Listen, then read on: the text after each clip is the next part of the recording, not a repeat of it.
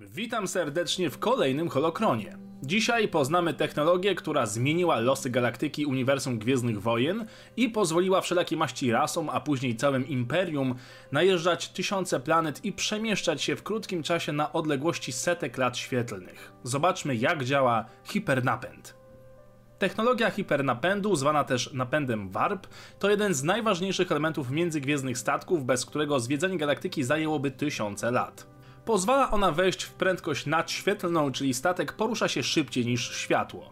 Jego budowa i działanie opiera się na tzw. Tak teorii hipernapędu, która opisuje generalnie wszystkie zasady działania silnika, jak i jego poszczególnych części. Prędkość statku, który wejdzie w nadświetlną jest zależna od wielu czynników, m.in. skąd zaczyna się podróż, jaki jest jej cel, ile należy wykonać skoków oraz jakiej klasy jest tam silnik. Ten zbudowany jest najczęściej z mieszanki titanium oraz chromium. Połączenie to pozwala, by silnik wytrzymał ciągłe przeskoki między zwykłą przestrzenią a nadprzestrzenią. No właśnie, ale czym jest nadprzestrzeń? W świecie Gwiezdnych Wojen to po prostu inny wymiar czasoprzestrzeni, w którym można się poruszać tylko podróżując z prędkością większą od światła. Przeskok do tego planu istnienia nazywany jest potocznie skokiem, ale w rzeczywistości to podróż do innego wymiaru. Napęd używa efektu transfizycznego do wystrzelenia statku poza prędkość światła, wykorzystując do tego cząstki hipermaterii, które pozwalają jednocześnie zachować skomplikowaną strukturę całego statku bez zmieniania jego masy i energii podczas skoku. By dokonać samego skoku, pilot musi wpierw wprowadzić komendy poprzez system Paralight, kombinację mechanicznych i elektrooptycznych subsystemów, które przetłumaczą komendy na odpowiednie wytyczne dla silnika. Proces wymaga wpierw zebrania promieniowania gamma.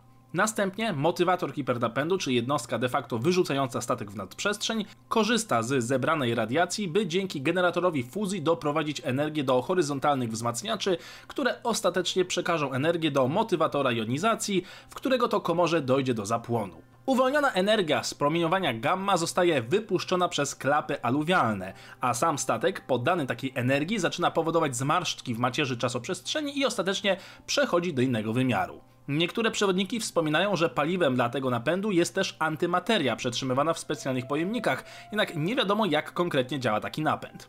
Wychodzenie i wchodzenie z nadprzestrzeni generuje pewne drgania oraz promieniowanie zwane kronał, które ma bardzo charakterystyczną sygnaturę, co pozwala w niewielkim stopniu przewidzieć, że gdzieś w pobliżu zaraz dojdzie do np. wyjścia z nadprzestrzeni całej floty gwiezdnej. Samo wyjście statku uruchamia także specjalny proces wytracania prędkości, ale technologia, która na to pozwala jest niestety hipernapęd, wymaga też pewnych specjalnych zabezpieczeń dla załogi.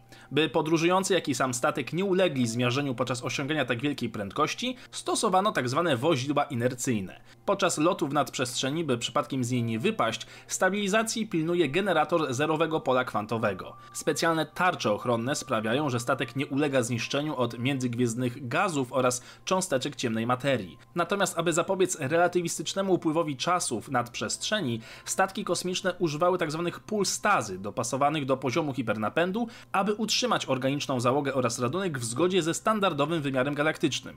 Na koniec działały jeszcze czteroosiowe stabilizatory oraz regulator hipernapędu, które uniemożliwiały rozerwanie statku na części podczas podróży. Aby sam silnik się nie przegrzewał, używano tzw. Tak zastawki hiperprzestrzennej. Warto jednak pamiętać, że nie można było dokonać skoku z byle jakiego miejsca. Silnik, a więc i cały statek, nie mógł znajdować się pod wpływem dużego cienia grawitacyjnego jakiegoś ciała niebieskiego.